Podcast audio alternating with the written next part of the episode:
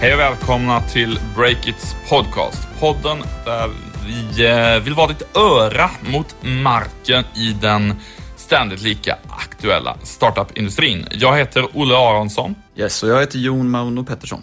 Mm. Hur är läget med dig som har suttit nyhetschef här hela sommaren? Ja, nej men det är bra. Det är kul att folk är tillbaka på jobbet och du börjar jobba igen och sådär, så det är trevligt. Ja, Hur är det med dig? Ja, det, det känns eh, kul att, um, och skönt framförallt att ha en vecka tillbaka då det liksom fortfarande är lite lugnare. Jag hinner mjukstarta lite grann. Nästa vecka sparkar ju allt igång Ja, jättemycket. då är alla tillbaka igen, så är det full fart. Verkligen. Ja, men då ökar pulsen rejält och mycket kring försäljning och så. Eh, sparkar igång. Men det här är lite mjukstart. Det känns bra. I det här avsnittet ska vi, eh, efter att ha kört ett par sommarintervjuer från Almedalen i podden eh, i ett par, tre veckor, så eh, ska vi lämna sommarintervjuerna bakom oss och istället eh, fokusera på nyheter. Vi ska gå igenom allt som har hänt under sommaren och eh, så ska vi dessutom prata lite om Ticktails nya affärsmodell som eh, vi tycker är väldigt intressant, som är lite av en ödesgrej för eh, Ticktail. Men du, det har ju verkligen inte varit någon sommartorka nyhetsmässigt det här året. Nej, verkligen inte. Det var full fart. eh, Speciellt nu i juli, där det annars kanske brukar vara ganska lugnt i affärsvärlden, så har det ju bara öst in kapitalanskaffning och nyheter. Och, ja, vi, vi ska väl prata lite om dem, är väl planen idag. Ja, eh, precis. Eh, det har ju varit flera stora eh, affärshändelser, kanske framförallt i mitten av juli, då man annars tänker sig att det ska hända som allra minst. Eh, vi har ju haft Universal Avenue och eh, Lifesum som båda har tagit in 10 miljoner dollar vardera. De har vi pratat om tidigare i podden. Eh, men sen så har det också trillat in Watti, energistartupen, och Automile som har tagit in stora belopp och det känns väl lite som att de där fyra bolagen, Universal Avenue, Lifesum, Watty, Automile, någon av dem kan mycket väl vara Sveriges nästa unicorn. Alla eh, verkar ha väldigt spännande grejer på gång och ehm, Eh, vi kan väl prata, gå in lite närmare på dem och eh, eftersom de är så att säga, vad man säga, nästa potentiella stortechbolag här i Sverige. Jon, du har ju skrivit mycket om Watty till exempel. Vad har eh, hänt där och vad är på G? Eh, uh, Watty, ja det, som du nämnde, det är ju en energistartup uh, som blir väldigt bra på att tolka hur hushåll uh, förbrukar energi kan man säga. Uh, det finns ju en rad sådana här startups som med olika appar som ska hjälpa oss att spara el. Men, uh, så det är inte helt lätt att särskilja på vem som är bra på vad och vem som är bäst. Men det de gör då, det är energidata som de har blivit bra på att tolka. Liksom, vad, vad, vart dras det energi och hur kan man spara in där? I mitt hus till exempel, I om jag hade hus. ägt ett hus. Ja men precis, så, så ska du väl kunna identifiera vad som drar mest. Har du dåligt kylskåp, byt ut det och lite den typen av grejer. Och de fick ju in, vad var det, 28 miljoner tror jag var från EQT Ventures bland annat. Då. Eh, ja men det är väl ungefär det som har hänt rent ekonomiskt i år, eller i sommar. Just det. Och eh, sen så ska de eh, anställa ett säljteam, noterade jag att grundaren Hjalmar Nilsson Ja precis, på, Nej, men det är ju dags nu att skala upp och ut i världen och börja sälja. Och jag tror fram- framförallt man riktar in sig mot de lite större elbolagen här, att man vill eh, sälja analyser som deras, från deras, till deras kunder så att säga. Kunderna betalar ju inte för själva analysen utan elbolaget betalar för att analysera kundernas data.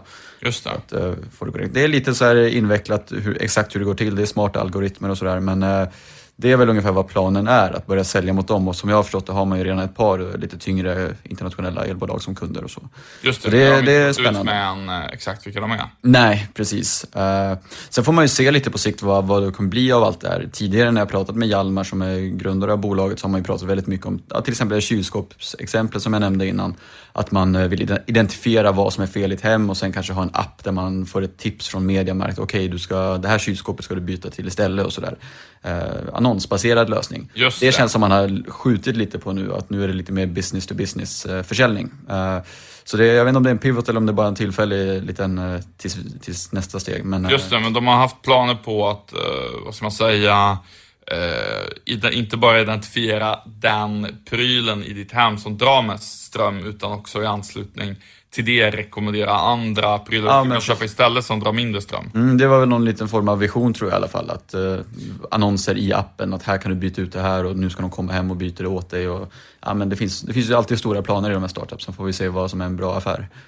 Precis, det kanske blir några steg fram för Watty. Eh, intressant i varje fall där. Det blir ju alltid lite hypat när det är en karismatisk grundare som Mm, får pengar väldigt- från EQT. Ja men verkligen, så är det ju. Eh, vad var nästa bolag då? Automile nämnde du. Ja, eh, de fick ju in en eh, ny runda bara i förra, förra veckan. Eh, Det är ju Jens Nylander, tidigare bakom MP3-spelaren Jens of Sweden. Ja. Automile är hans nya startup som han kör från USA eh, och förenklat så trackar de företags eh, fordonsflottor så att man till exempel kan effektivisera vad gäller bränsleförbrukning och så. Så ett, ty- har- ett tydligt case är väl ungefär att om eh, man har en stor fordonsflotta, se vem som åker var och när och Ja, hur bilarna används. Är det så man, då, det ska funka? Eller? Ja, men exakt. Om eh, du och jag skulle tröttna på breaket, starta upp en byggfirma ihop istället, till exempel. Med några bilar, typ tio stycken, som kör runt ute på olika jobb. Då vill man ju att det ska bli så billigt och effektivt som möjligt. Just det. Och, eh, det analyserar Automile genom att ehm, låta bilen skicka eh, data till deras eh, mjukvara och så presenterar de eh, hur företagen skulle kunna spara pengar helt enkelt. Och vad har hänt då nu i sommar? Jo, eh, Automile de har ju fått in eh, bland andra Niklas Sandström och Sam Nurmi, kända svenska eh, investerare, privatpersoner eh, i bolaget som investerare. Eh, men framförallt mest intressant är väl att de har fått in Jason Lemkin. Är det en person som du kände till sedan tidigare? Ja, lite by name framför allt. Ingen expert på vad han har gjort. Det, man kan, han har gjort hur mycket olika saker som helst, men om vi ska förenkla lite grann då för att han är inte så känd för en svensk publik så är Jason Lemkin typ den tyngsta affärsängen i världen inom det som kallas för SaaS eller Software as a Service.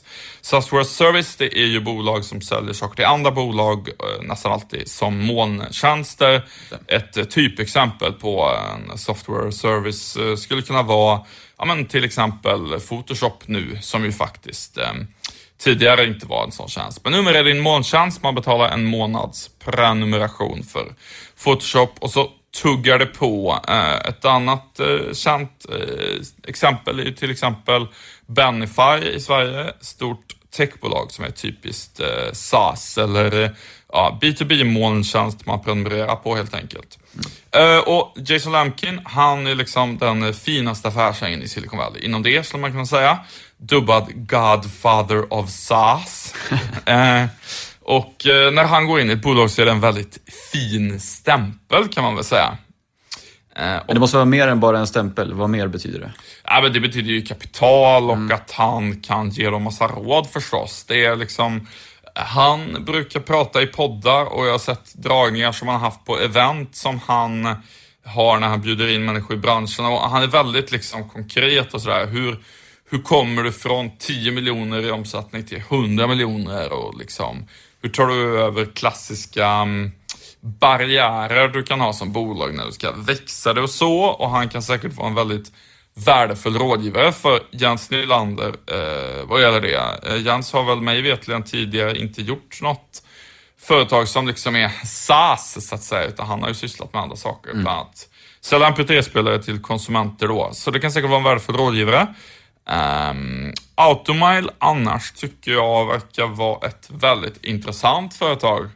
Har ju redan en bra intäktsutveckling. Eh, De har en erfaren VD som har liksom drivit bolag förr och eh, sen så är det ju klart att eh, nu när det börjar skaka lite bland de sexiga konsumentstartupsarna, typ Ticktail och de här som, som verkar liksom ha det lite tuffare nu än vad de har haft tidigare, så verkar investerarna bli mer intresserade av företag som säljer till andra bolag och har en färdig affärsmodell från start. Så att eh, Framtiden ser ljus ut, eller hur ska man tolka det här? känns det lite som att vinden blåser åt eh, Jens Nylanders håll, men jag har haft fel förr. Jag har en svaghet för, eh, jag har svaghet för B2B-bolag. Det är inte alltid det, det blir så som jag har trott, men Automile ser ju hett ut just nu. Det kanske är de som blir Sveriges nästa unicorn.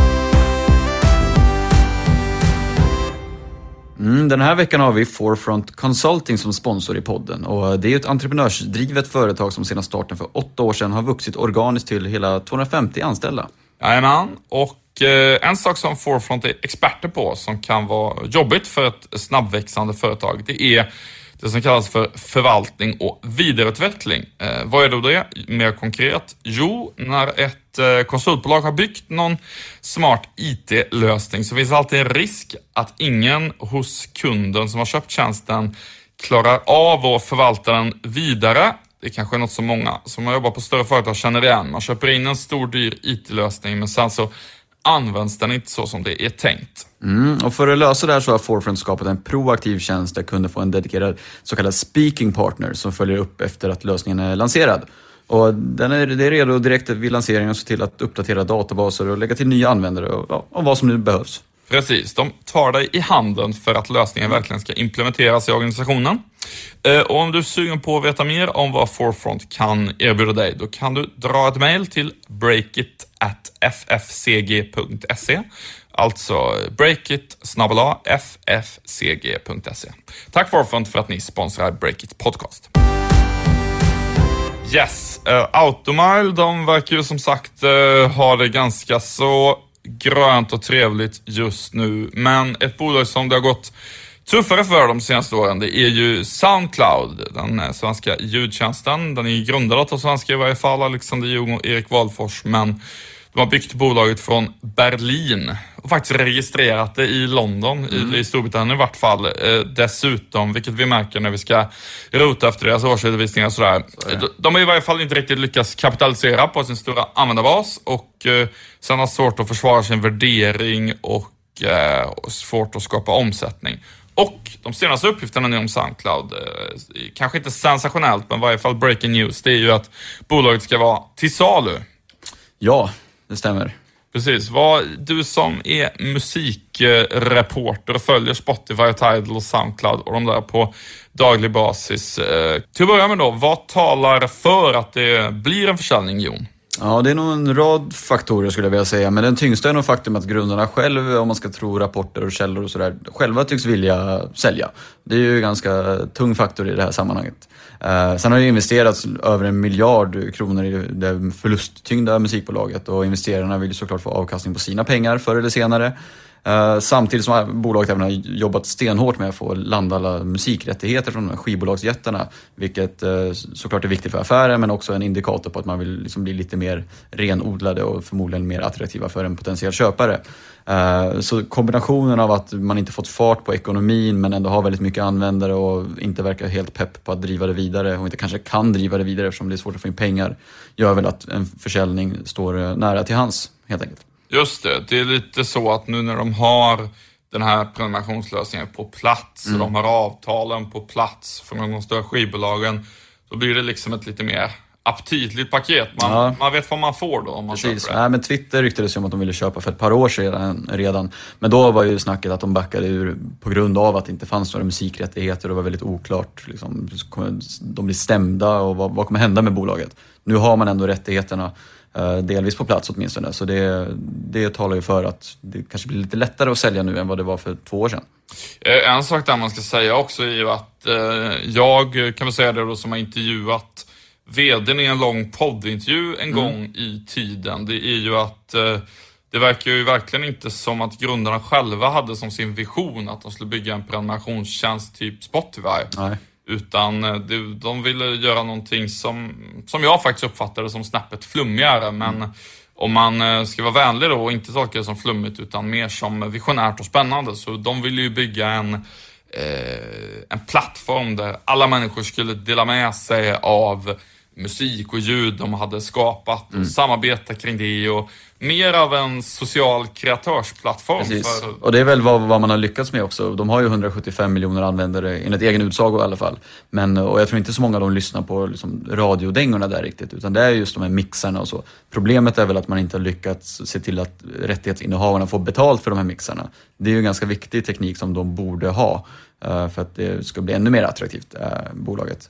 Men så man har väl lyckats med det flummiga men inte riktigt bygga bolaget mm, liksom hållbart.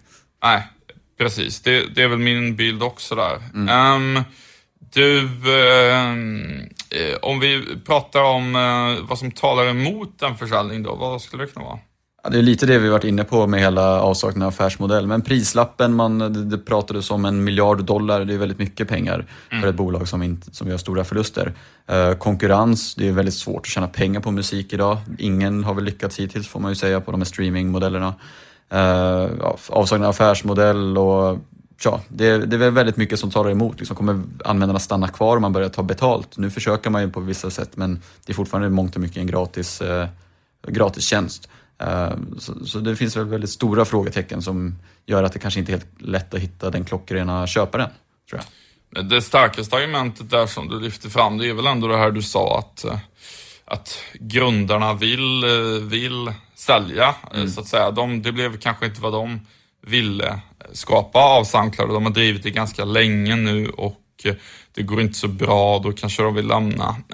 Men du, vad Eh, även om de vill ha en affär innebär inte det att det, det blir någonting. Vad, vad, tror du då om du ska väga för och emot och, och tippa vad, vad du tror kommer hända? Jag har ju funderat en del på det här och om man ska vara helt ärlig så vet jag inte riktigt vad jag tror egentligen. Eh, Twitter har ju pekats ut som köpare tidigare och har investerat en halv miljard i bolaget ganska nyligen. Eh, vilket såklart visar att det finns ett intresse där. Sen att Soundcloud skulle bli ett helägt dotterbolag till Twitter, jag, jag vet inte. Jag har lite svårt att se det stora värdet i det. Det finns synergier och jag tror man kommer kunna samarbeta på smarta sätt i framtiden om Soundcloud börjar streama musik och konserter och liknande och Twitter kommentarsfunktion, att man vill ju vara den där aktuella kommentarsplatsen, liksom, diskutera livehändelser. Det finns synergier där, men att man äga en hel eh, musikplattform känns ändå lite avlägset. Twitter har också inte oändligt med pengar, om man säger så. Uh, så, så, ja, det, det, är väl det som det snackas om mest, men jag inte riktigt, jag har lite svårt att se att det skulle hända. Men eh, det beror på prislappen återigen. Uh, vad som hade varit kul hade såklart varit om typ Spotify på något sätt lyckas integrera Soundcloud i sin tjänst. Det är, rent tekniskt tror jag att det finns väldigt stora svårigheter och sådär. Men det är väl det man saknar, jag i alla fall saknar i Spotify. Det skulle vara kul att kunna gå in och konsumera även mixar och lite mer egenupladdat innehåll och bli den totala liksom, musikappen. För, det, för Spotify hade varit klockrent, men jag är inte säker på att det är en genomförbar affär eller liksom, tekniskt möjligt.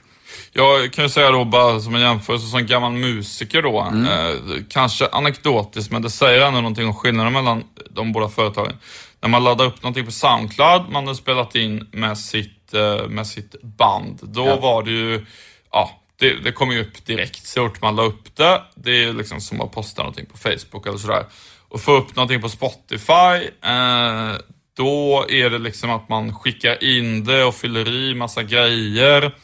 Mm. många mindre artister använder liksom en speciell mellanhand för att ladda upp till Spotify bara för att liksom mm. det är för krångligt att göra det själv. Man måste nästan ha ett aktiebolag känns det som. Eh, det här är ett par år sedan ska jag säga, det kan ha förändrats men det säger ändå någonting om bolaget. Och sen så dröjer det typ tre veckor och man får in besked. Men oj, nu fanns det helt plötsligt på mm. Spotify. Men eh, det är ju verkligen inte så när man lägger ut saker där att det liksom kommer upp direkt och det är liksom, det, det gör ju att, ja, vad ska man säga, det, det, blir en barriär mot att lägga upp lite vad som helst där. Mm. Eh, och eh, det är klart att eh, det, det, finns ju, det finns säkert poänger med att liksom bredda tjänsten på på det sättet. Samtidigt så kan det säkert vara krångligt av rättighetsskäl. Av, av jag tror det är svårt och det är väl det som tar emot att Spotify just i det här sammanhanget skulle vara intresserade. Men eh, däremot borde Spotify sno hela tänket och bygga vidare på det. Eh, du, eh, Soundcloud, vi får se vad som händer där. Jag tror väl i alla fall att det ändå eh, blir någon typ av försäljning om grundarna då, om det stämmer att de ska vara sugna på det. Det känns ju ändå väldigt konstigt att driva bolaget vidare om grundarna så att säga vill, mm. vill bli av med det. Mm. Om nu det stämmer. Ja, ett annat bolag, om vi ska gå vidare då, det som haft det lite tufft, det är ju Narrative eh, som jagar pengar och sådär. Du kanske kan dra lite snabbt storyn där, vad som har hänt? Absolut. De är ute efter en, eh, om man hårdvinklar rubrik, skulle man kunna kalla det för en desperat jakt efter mm. pengar. Um, Narrative, som är från Linköping, de gör en liten kamera som man fäster på kroppen och så tar den bilder på allting som du gör. Eh, de är ju rekonstruktion. Den rekonstruktionen har blivit godkänd av tingsrätten. Eh, det innebär ju en rekonstruktion då att om ett företag har slut på pengar och inte kan betala sina lån eller det börjar bli tomt i kassan så säger man att okej, okay, nu ska vi rekonstruera det här. Det brukar betyda att man försöker rädda bolaget men att aktieägarna eh, blir av med massa andelar och eh, de som har lånat ut pengar till bolaget behöver skriva ner sina skulder på något sätt för att bolaget ska klara sig. Eh, det som har hänt, det är ju att Narrative har gått ut med att de har fått en första ny runda av eh, finansiering från ett bolag som heter Front Office som Eh, inte jag känner till sedan tidigare, men Front Office investerar då i bolag som har finansiella problem. Ja, vi har ju skrivit om dem vet du. Ja, jo, precis. Vi, vi har säkert gjort det, men jag hade liksom inte koll på vad de var tidigare. Eh, jag var inne och läste lite på deras sajt. De är väl eh, vad man, om man är lite elak, brukar kalla för ett gambolag. Alltså om man är... Eller en räddare i nöden om man vill vara snäll. Exakt, det beror på vilken rubrik man väljer. Men de är i varje fall specialiserar sig på bolag som, som i, um, riskerar att gå i konkurs kan man säga. Mm. Och eh, man ska säga då att de har ju då gått in med en första runda finansiering, men eh, vilket framgår av vad Narrative går ut med så räcker ju liksom inte det utan de, de behöver ju göra mer för att klara sig. Mm. Eh, och eh, vad är det då Narrative behöver göra? Eh, jo, det är att eh, de behöver ju förstås eh, få de befintliga investerarna och långivarna, bland annat då Kosla Ventures som är en högprofilerad riskkapitalfirma i Silicon Valley. Eh, de behöver ju få dem att skriva ner sina ägarandelar och fordringar helt enkelt. Och det kan de säkert tänka sig att göra, men på något sätt. Det handlar om hur mycket. De kan tänka sig att skriva ner det. Och eh, det är klart att det här är en riktigt tuff situation mm. för eh, Martin Källström som har grundat Narrative. Han kommer nog kanske inte ha sådär jättestor ägarandel kvar efter den här processen är klar, om de ens lyckas rädda bolaget.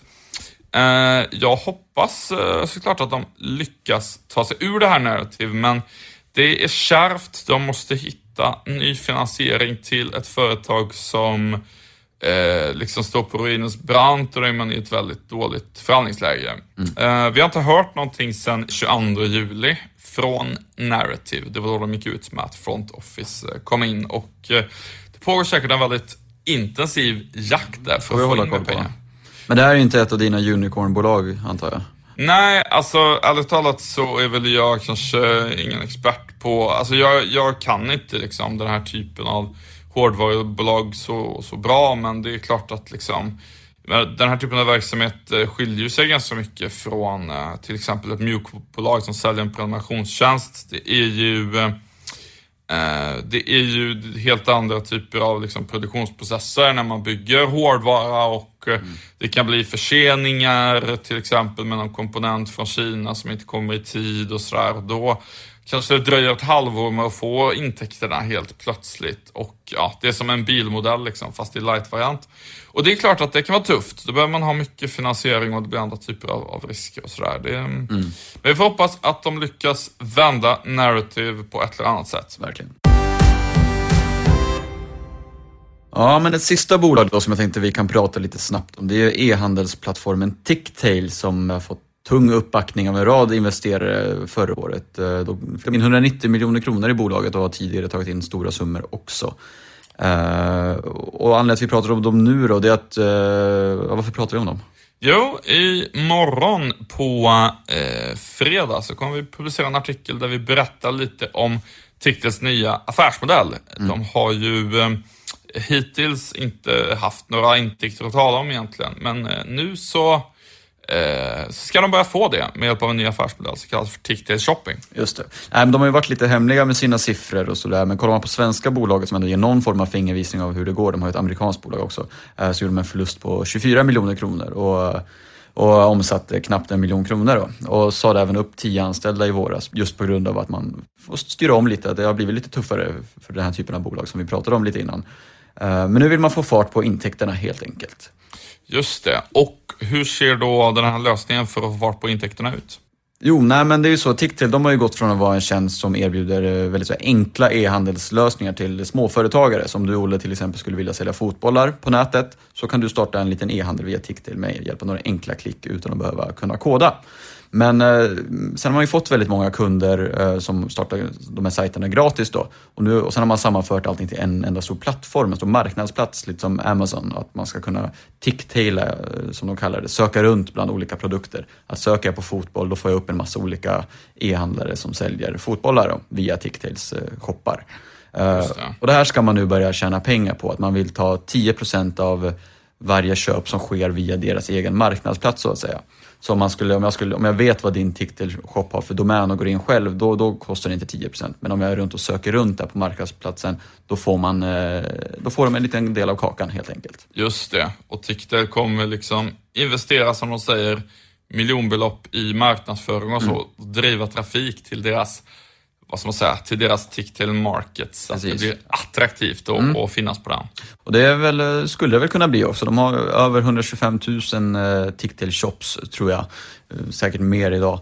Eh, så det är ändå en stor bulk av olika små företagare som sitter och säljer olika smycken och vaser och allt vad det är. Och det är ju så independent varumärken som de framförallt riktar sig till. Då. Så det är inte storföretag som finns där utan det är små handgjorda prylar och kläder och liknande. Men 10 procent, det, det har ju varit lite debatt om det här, som till exempel e-handel.se har bevakat. Det, det låter ju som att det kan vara ganska mycket om man har små marginaler. Men det, det, det, kan jag tänka mig att det är. Det är ändå 10% till 10% och man kan ju tänka sig att många av de här har ganska små marginaler redan till att börja med eftersom det, det är väldigt små, små, små företagare. Som sagt. Eh, så ja, jag kan inte riktigt värdera om det är högt eller lite. De själva säger att det inte är mycket såklart. Eh, men att säga att gensvaret var jättepositivt bland alla handlare och så. Eh, men det är lite oklart. Eh, ja, vi har inga siffror på det. De har varit ganska hemlighetsfulla generellt med både omsättning och andra typer av siffror. Ja, det är klart. De har ju kört igång det nu lite i, halv i smyg under sommaren och de utvärderar säkert. Men vad som har varit en annan kritik är ju så kallad um, dubblering vad gäller SEO, alltså mm E-handlare lever ju mycket på att folk googlar och får upp deras shoppar, Google-resultaten. Och då är det ju så att om den ligger, om man både har en, en egen, en egen domän och en Ticktail Marketplace-domän då, mm.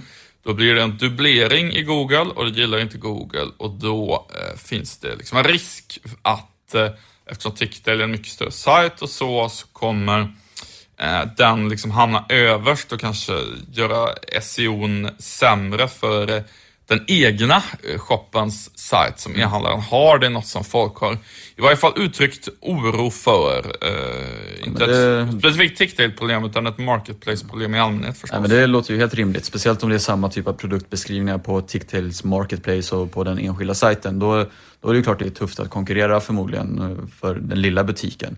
Men det är väl inget som TikTail kanske oroar sig jättemycket för eftersom man någonstans vill bygga upp en stor plattform där allt finns samlat. Det är mm. vad man vill. Man vill ju att de ska gå in på ticktail.com och sen söka upp den här vasen eller fotbollen eller vad det nu är.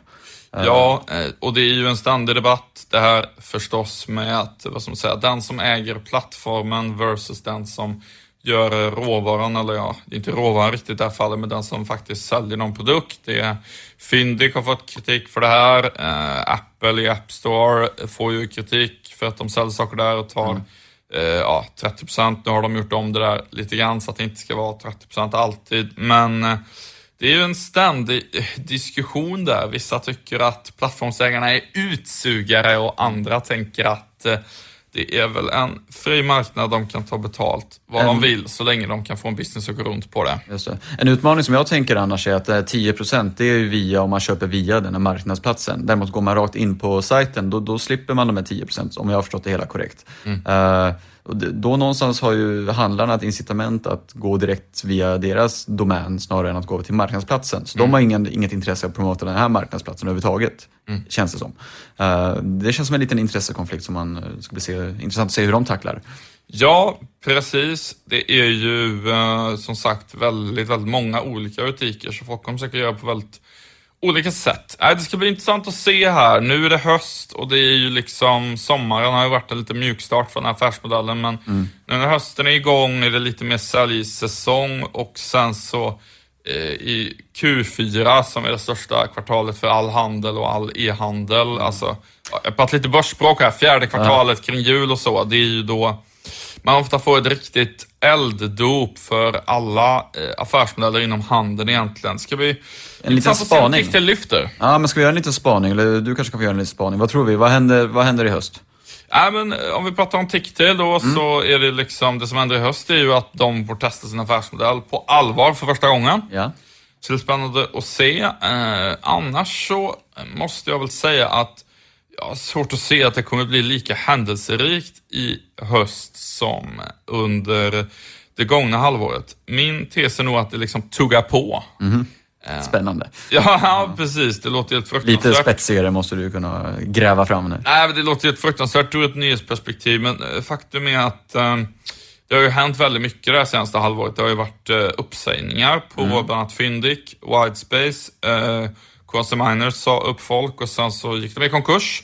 Spotify har tagit in 8 miljarder i lån och så vidare. Det har ju hänt en rad ganska liksom, stora nyheter eh, och som väl lite grann var kanske en tillnyktringsprocess efter 2015 som var det hypigaste året sedan slutet av 90-talet egentligen.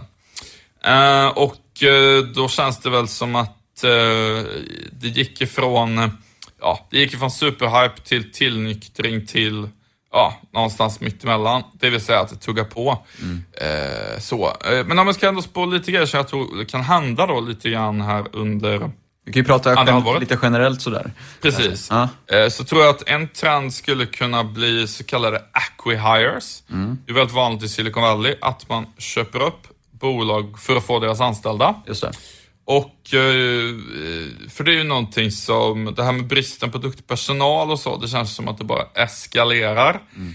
Uh, och nu är det ju så att det vi faktiskt har fått och säkert kommer få några till konkurser och bolag som inte går så bra och sådär. Och en variant som då, um, och samtidigt finns det många andra techbolag som har väldigt mycket kapital i kassan. Och ett scenario som det ofta blir då, i varje fall i Silicon Valley, det är helt enkelt att ett större techbolag köper upp ett annat techbolag som har konkat eller som är på väg att, ja, eller som inte går så bra för att få personalen helt enkelt. Mm. Uh, ett exempel är ju, ja, om Narrative skulle gå i konkurs då så finns det ju personer där med väldigt mycket unika erfarenheter som inte så många har i Sverige kring man bygger upp ett hårdvarubolag och mm. Eh, det är klart att det säkert finns andra företag som skulle kunna tycka att det var intressant att köpa upp dem för att få den kompetensen. Och det finns många andra exempel. Eh, det är en trend som jag tror vi skulle kunna få se.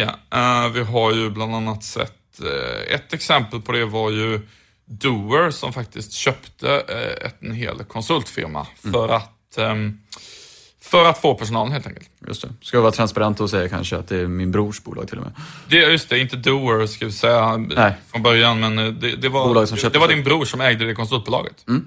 Eh, precis. Du, ehm, eh, men det är en trend som skulle kunna bli eh, annars så om jag ska spå så monsteraffärer tror jag ju fortfarande att Klarna är ett uppköpsobjekt i eh, USA. Den affären har inte hänt än, men det är ju en sån här riktig monsterdeal som skulle kunna ske nu när ehm, eh, två av de tre grundarna har slutat och den tredje grundaren eh, själv börjar göra lite fler egna investeringar och sådär, har liksom annat att syssla med i livet. Mm. Skulle kunna bli så. Mm. Eh, det vore yes. kul. Ja, det vet jag inte om det vore så kul för Sverige egentligen, ja, men, men, det, vore en, det en kul nyhetsdag om det Exakt. händer. En dag som är kul. Ja, precis. Uh, yes. Nej men... Um, annars... Kan nöja oss så eller? Ja men jag tycker vi kan säga så med, med lite det här ljumna, att jag tror Aha. att det, det tuggar på i höst så, så kan vi väl runda av där. Mm. Kör så. Uh, ska vi säga någonting som avslutning om Beppo ljudproduktion? Mm. De har ju klippt och spelat in det här på länk. Vi tackar dem för det. Vi tackar Forefront för att de sponsrar och uh, annars så hörs vi igen nästa vecka. Vi kör igång nu på riktigt, breaket, så in på sajten. Underbart. Ha en trevlig helg. Hej.